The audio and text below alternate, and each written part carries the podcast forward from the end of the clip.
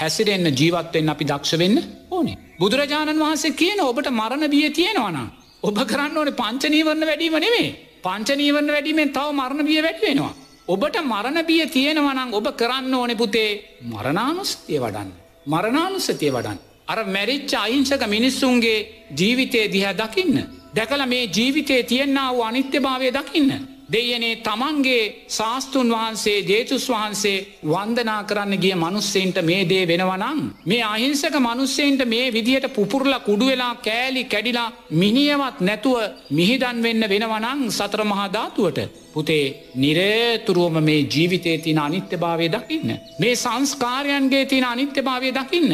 අර තරුපහේ මහා හෝටල්වල සුකෝපභෝගී ආහාරවේල ගන්නගේ සුකෝපභෝගී මනුස්සයෝ කෑලි කැඩිලා විසිවෙලා කුඩුවෙලා මරනීය දුකට පත්වෙච්චේ මරණානුස්සතිය ජීවිතයෙන් දකින්න. දුක්මත් පෝසත් භාවකින් තොරව අපි කවුරුත් මරණය වැළඳ ගන්න ඇති නුවනින් දකින්න. නුවනින් දකිද්දි කුමත් අප තුළ වැඩෙන්නේ. මරණානුස්සතිය. මරණානුස්සතිය වැඩෙද්දි කුමක්ද වැඩෙන්නේ. සතර එරදිපාද. සතර එද්දිපාද චන්දය වීරය චිත්තය විමංසා වැඩෙනවා. චන්දය වැඩෙනවා කුසලය කරේ තවතව ශක්තිමත් වෙනවා. ඇයි පංච උපාදානස්කන්ද ලෝකය බියකරුයි. පංච උපාදානස්කන්ද ලෝකය අනතුරුයි. පංච උපාදානස්කන්ද ලෝකය නිරේතුරුවම කැඩිලා බිඳිලා විසිරිලා විනාස වෙලා නොසිතූ නොපැතූ වෙලාවක ඔක්කොම සුනු සුනුවෙන. අන්න ඒ නිසා නිරේතුරු මෙයා තුළ චන්දය වැටනවා. කුසලේ ශක්තිමත් වෙනවා. එනිසාමං අකුසලේට යන්නේ නෑ අම අකුසල්ලොල විපාකයි මේ වෙන්නේ. එනිසා මේ අකුසල් විපාක වෙද්දි තව අකුසල් කරන්න බැහැ. එනිසාම මරාගෙන මැරෙන බෝම්භ කරුවටවත් මං දේශය වඩන්නේ නැහැ. ඒ මරාගෙන මැරණ බෝම්භ කරුවා තුළිනොත් මම මරනානුස්තතුවමයි වටු කරගන්න. යා මරනානුස්සතියෙන් දකිනවා. ඒ මරාගෙන මැරණ බෝම්භ කරුවාගේ ඒ අධ්‍යාත්මික රූපය කෑලි කැඩිලා කුඩුවෙලා බාහිර සතරමහා ධාතුවට මුහුවෙත් ඇටි දකිනවා. ඒ බෝම්භ කරුවාගේ පටිච්ච සමුපන්න විඤ්ඥානය සතර අපායේ භයානක දුකට නැවත ප්‍රතිසන්දිය ලබනවා දකිනවා. සුන්දර මරණානුස්සතිය. මරණානුසතිය වැඩදි සතර එද්දිපාද වැඩෙනවා චන්දය වැඩෙනවා. එයා කුසලේ තුළ ශක්තිමත් වෙනවා. දැ මගේ භික්ෂුදීවිතේ මම ඔය අනතුරු දැක්කෙම හොතේ පටන් මම තව තව තවතව මගේ ආරෂ්ඨාංගික මාර්ගගේ ශක්තිය තුළ මයි හිටියේ. තවතව තවතව විදර්ශනාව තුළ ශක්තිය තුළ මයි හිටියේ.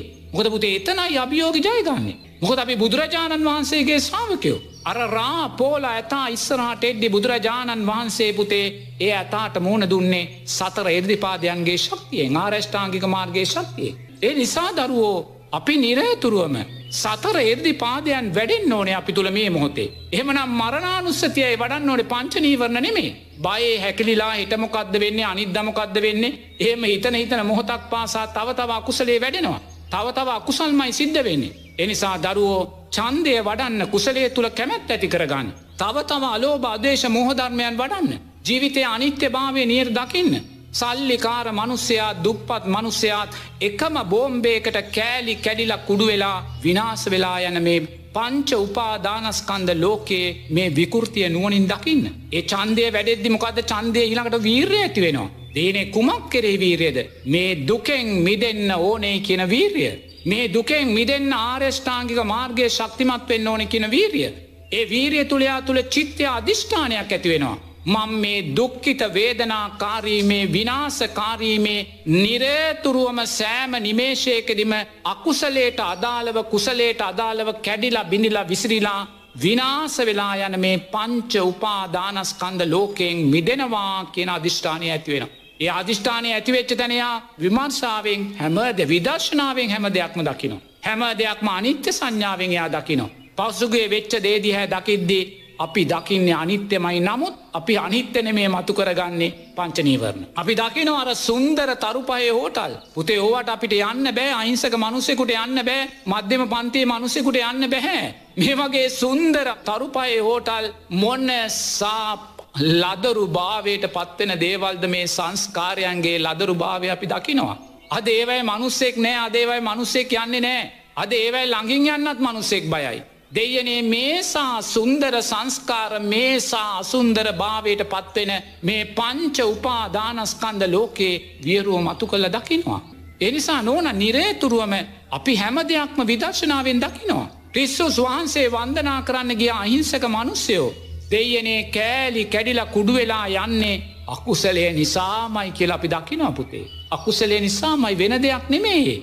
අකුසලේ නිසාමයි. මොනහෝ කරා වූ අකුසල් නැත්තන් දුස්සීල භාවයන් නිසාමයි එහෙම වෙන්නේ. එක සිංහල බෞද්ධයාට වනත් ක්‍රිස්තියානි මහත්‍යයාට වනත් මුස්ලිම් මහත්‍යයාට වනත් හින්දු මහත්‍යයාට වනත් ඒකයි යථාර්ථය. ඒ සෑම දෙයක් මෙයා විනිවිධ දකිනවා. විනිවිධ දැක්ක තැන එයා දකින්න මේ සියල්ලම සුන්දර ධර්මය එහි පස්සික ගුණෙන් පුතේ. ඒ ධර්මය එහි පස්සික ගුණේ තුළ එයා ඇලීම් ගැටීම් වොල්ට යන්නේ නෑ. යා ධර්මය උපේක්ෂාව තුළ ශක්තිමත් වෙනවා. එයා ධර්මය උපේක්ෂාව තුළ යා ශක්තිමත් වෙනවා. ශක්තිමත් වෙලා නිරේතුරුවම නෝනා එයා මේ වෙච්ච විනාසය ධර්මතාවයක් ධර්මයක් අපි දකින්නේ ධර්මයෝ ධර්මයෝ වඩත් කියල බුදුරජාණන් වහන්සේ දේශනා කර. ධර්මය තුළින් ධර්මයක්ම වඩාගන්න. අධර්මයෝ අධර්මයෝ වඩත් කියලා බුදුරජාණන් වහන්සේ දේශනා කරනවා. ඔබ වඩන්නේ ලෝබදේශමෝහේ නං වැඩෙන්නෙත් අධර්මයක් මයි විනාසයක් මයි කියලා බුදුරජාණන් වහන්සේ දේශනා කරනවා. එනිසාපුතේ මේක සමස්ත ජාතියකම සිංහල බෞද්ධ මුස්ලිම් හින්දු බේදයකින් තොරව. පුතේ සමස්ත ජාතියකම තීරනාත්මක කාලවකවානුවක් එක තේරුම් ගන්නවා. තීරනාත්මක කාලවකවානුවක්. එනිසා මේ තීරණාත්මක කාල වකවානුවේ ආර්යෂ්ඨාංගික මාර්ගයේ ශක්තියමයි ජීවිතයට එකතු කරගන්න. අන්‍යාගමික ක්‍රිස්තියානි පිංහතුල්ලා මුස්ලිම් පිංහතුල්ලා හින්දු පිංහතුල්ලා නිරේතුරුවම සීලේ ශක්තිය ජීවිතයට එකතු කරගන්න ගොල ආරෂ්ඨාංගික මාර්ගය තුළ නැහැන. එනිසා සිල්පද පහේ ශක්තිය ජීවිතයට ගන්න. මෛත්‍රිය ශක්තිය ජීවිතයට ගන්න. ඒවගේම පුළුවන් තරන් දන් දෙමින් නිරයතුරුවම පුතේ තමන්ගේ ආගමට ධර්මයට අදාළුව යහපත්ව ජීවත්වෙන්. එවැනි දෙයක් නොවනොත් පුතේ මේ වෙලාවේ සිංහල බෞද්ධයා විතරක් ධර්මය තුළ ශක්තිමත් වෙලා වැඩක් නැහැ. අනි සියලූම ආගම් අනි සියලූම ජාතියනොත් පුතේ මේ විනාසයෙන් මිදී මුදෙසා අත්වැල් බැඳගෙන මෛත්‍රී චිත්තයෙන් අනිවාර්යම එකතු වෙන්න ඕන. එ වර්තමානයේ තියෙන්නේ බෞද්ධ ක්‍රිස්තියාන් හින්දු මුස්ලිම් ප්‍රශ්නයක් නෙමේ පුතේ. එවැනි ප්‍රශ්නයක් කොතනකවත් අපේ රටේ නෑ මේ මොහොතෙත් නැහැ. අපිට තියෙන්නේ ක්‍රිස්තියානි බෞද්ධ හින්දු මුස්ලිම් ප්‍රශ්නයක් නෙමේ මේ වගකීම් විරහිත දේශපාලන සංස්කෘතිය පිළිබඳ ප්‍රශ්නයක්. වෙන දෙයක් නෙමේ. වගකීම් විරහිත දේශපාලන සංස්කෘතිය පිළිබඳ ප්‍රශ්නයක්. එනිසා මේ ප්‍රශ්නය පටලෝගන්න එපා. මේ ප්‍රශ්නය පටලෝගන්න එපා. නිරේතුරුවම පුතේ දේශපාලනයක් එහමනැත්තන් දේශපාලනයක් සම්මා සම්බුද්ධ ශාසනයක් පටලෝගන්න එපා. මේක දෙකක්. දේශපාලනයක් මේ රටේ ජාතික ආරක්ෂාවත් පටලෝගන්න එපා. මේක දෙකක්. ලෝකයේ කිසිම රටකපුතේ පක්ෂවේවා විපක්ෂවේවා ජාතික ආරක්ෂා වෙනුවෙන් ඒගොල පෙනී හිටිනවා. එමනතු ඒක අයිති එක පක්ෂකට එක කණ්ඩායමකට විතරක් නෙමේ. එනිසා නිරේතුරුම මේවා පටලෝගන්න එපා. එනිසා වර්තමානයේ තියෙන්නේ වගකීම් විරහිත දේශපාලන සංස්කෘතිය පිළිබඳ ප්‍රශ්නයක්. එනිසා සිංහල බෞද්ධ මුස්ලිම් හින්දු සියලූම මධ්‍යස්ස ජනතාව අත්වැල් බැඳගනපුතේ සමගියෙන් මේ වගකීම් විරහිත දේශපාලන සංස්කෘතියටයි විරාමයක් තියන්න ඕන. එක තේරුම් ගන්න. හරි තැන එතනයි. එනිසා එය කරන්න පුළුවන්. කෑගහල පෙළපාලි ගිහිල්ල දේශය වඩලා වෛරය වඩලා සටන් පාත කියලනන් නෙමේ. ඒ කියන මොහොතක් පාසා මේ දුරුවල දේශපාලන සංස්කෘතිය මේ වගකීම් විරහිත දේශපාලන සංස්කෘතිය තව තව ශක්තිමත් දිසාවට අපි අරගෙන යන එක හොඳට තේරුම් ගන්නවන් ශක්තිමත් දිසාවට. එනිසා නිරේතුරුවම මේ වගකීම් විරහිත දේශපාලන සංස්කෘතිය පුතේ එහි ආදීනවයයි අපේ මේ ඇස් පනාපිට තියෙන. මෙච්චර කාලයක් ආස්වාදය තුළ හිටිය. නිරේතුරුවම මෙච්චර කාලයක් අපේ රටේ සිද්ධ වනේ පුතේ බොරුව බොරුවෙන් වැැහවා. බොරුව බොරුවෙන් වැැහවා. එනිසා බොරුව ඇත්තෙන් වැැහුවේ නැහැ. එනිසා රටට අවශ්‍යයි මේ බොරුව ඇත්තෙන් වහන දේශපාන සංස්කෘතියක්. එනිසා මෙච්චර කාලයක් අපේ රටේ පාලක පිංවතුල්ලා මොකක්ද කළේ පුතේ බොරුව බොරුවෙන් වහලා බොරුවේ සුන්දර ආස්වාදය තුළ ජීවත් වනා. සුන්දර සිහින ලෝකවල තිීල දුනත් වනා. සුන්දර සැපය තුළ ජීවත් වනා. බුදුරන් වන්සේ කියන බොරුවේ තාස්වාදයක් තියෙනවා. ඒ බොරුවේ ආස්වාදය තමයි පහුගේ අවුරුදු පහතුළ රට ගෙවීගිය. සුන්දර ආස්වාදය තුළ බොරුවේ ආස්වාදය බොරුව බොරුවෙන්ම වහවහා වහවහා වහවහා පුතේ ඒ බොරුවේ සුන්දර ආස්වාදය තුළ සිහින ලෝකවල ගත කලා. ඒ ආස්වාදය කෙටී කියලා බුදුරජාණන් වහන්සේ දේශනා කරනවා. මෙන්න ආදීනවේ ඇවිල්ලා. දැම් බොරුවේ ආදීනවය සමාජගත වෙලා පුතේ. එනිසා බුදුරජාණන් වහන්සේ දේශනා කන ඔබ මේ දකින්නේ මේ වගකීම් විරහිත දේශපාලන සංස්කෘතිය රට තුළ ගොඩනැගවා වූ බොරුවේ ආදීනවයයි. පහුගේ අවුරුදු පහේ දැක්කේ ආස්වාදයයි. එනිසා දැන්ඔබ ආස්වාදයක් දැක්ක බොරුවේ. දැන් ඔබ මේ මොහොතේ ආදීනවේ දකිනවා. එනිසා බුදුරජාණන් වහන්සේ දේශනා කරනවා. බොරුවේ කෙටි ආස්වාදය දැකලා. බොරුවේ දීර්ඝ ආදීනවය මේ මොහොතේ දකිමින්. බොරුවේ නිස්සරණය කරා යන්න කියලා. බොරුවේ නිස්සරණය කියන්න මොකක්ද ඇත්ත කරා යන්න කියලා. ඇත්ත ජනතාව රවට්ටන්නේ නැති ජාතික ආරක්ෂාවට මුල් තැන දෙන මේ සම්මා සම්බුද්ධ ශාසනය ආරක්ෂා කරන මේ ආර්යෂ්ඨාංගික මාර්ගයෙන් පෝෂණය වෙච්ච විනය කාමී විනය ගරුක පාලකයෙක්ගේ අවශ්‍යතාවය උදෙසා පෙළගැහෙන්න කියන පනිවිඩය මේ මොහොතේ පුතේ වර්තමානයේ මේ දකින සෑම සිද්ධියෙක් තුළින්ම මතු කොල්ල දෙන්න එච්චරයි. වෙන දෙයක් නෙමේ.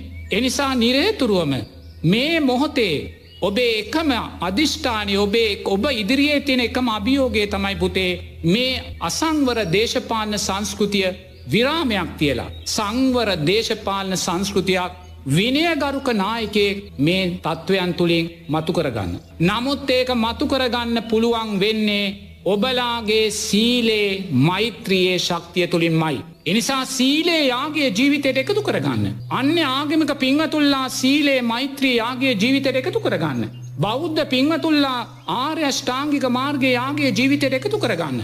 පුතේ ජීවිතයට එකතු කරගෙන කුමන පක්ෂෙන් වේවා පක්ෂය අපිට ප්‍රශ්නයක් නෑ කවුරුන් හෝ වේවා පුතේ මේ බොරුව ඇත්තෙන් වහන මේ බොරුවේ ආස්වාදයට යට නොවෙන බොරුවේ ආදීනවේ තේරුම් ගත්ත බොරුවේ නිස්සරණය කරා යන ඇත්ත සමාජයක් සාධාරණ සමාජයක් සම්මා සම්බුද්ධ ශාසනයට ගරු කරන සමාජයක් ගොඩනගන්න පුළුවන් ශක්තිමත් නායකත්වයක් කරාරට අරං යන්න පුතේ. මේ මොහොතේ මේ සියලු විනාසයන් තුළ රට ඉල්ලන්නේ එවැනි විනයගරුක නායකත්වයක් පමණක්මයි.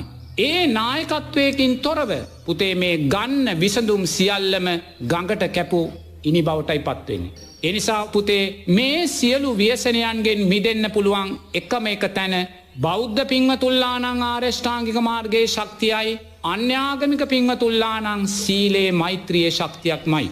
එනිසා ජාති ආගම් බේදයකින් තොරව පුතේ හැමෝම අත්වැල් අල්ලගන්න මේ ව්‍යාසනය ඉදිරියේ ආරක්ෂක හමුදාවට දෙන්න තියෙන පූර්ණ සහයෝගය දෙන්න පුළුවන් තරම් පන්සල්ලොල සෙනග අඩු කරලා පින්කන් සිද්ධ කරන්න පන්සල් වහන්න එපා පන්සල්ලොට බැරිියර්දාන්න එපා නිරේතුරුවම බුදුරජාණන් වහන්සේගේ ශ්‍රාවකය අපි අපිට බියක් ඇති වෙනවනං අපි හිතන්න ඕන බැරිියර් ගැනනේ පන්සල් වැහිම ගැනනෙමේ අපේ ශක්තිය ගැනයි හොඳට තේරුම් ගන්න අපේ ශක්තිය ගැනයි අපේ දුරුවල භාවය නිසයි බිය සකස් වෙන්නේ ඒමද බුදුරජන් වහන්සේ කොතනකොත් අපිට සාාවකය හැටියට කියන්නේ ඔබලා තනි අලියෙක් වගේ හැසිරෙන්න කියලා. තනි අලියෙක් වගේ හැසිරෙන්න කියලා. තනි අලියා කවදක්වත් පුතේ කැලේ දඩයක්කාරයෝ හිටිය කියලා කැලේ දාල යන්නේ නැහැ. ඒ වගේ මේ දඩයක්කාරයෝ මරන්න යන්නෙත් නෑ පහර දෙන්න යන්නෙත් නෑ තනි අලියා.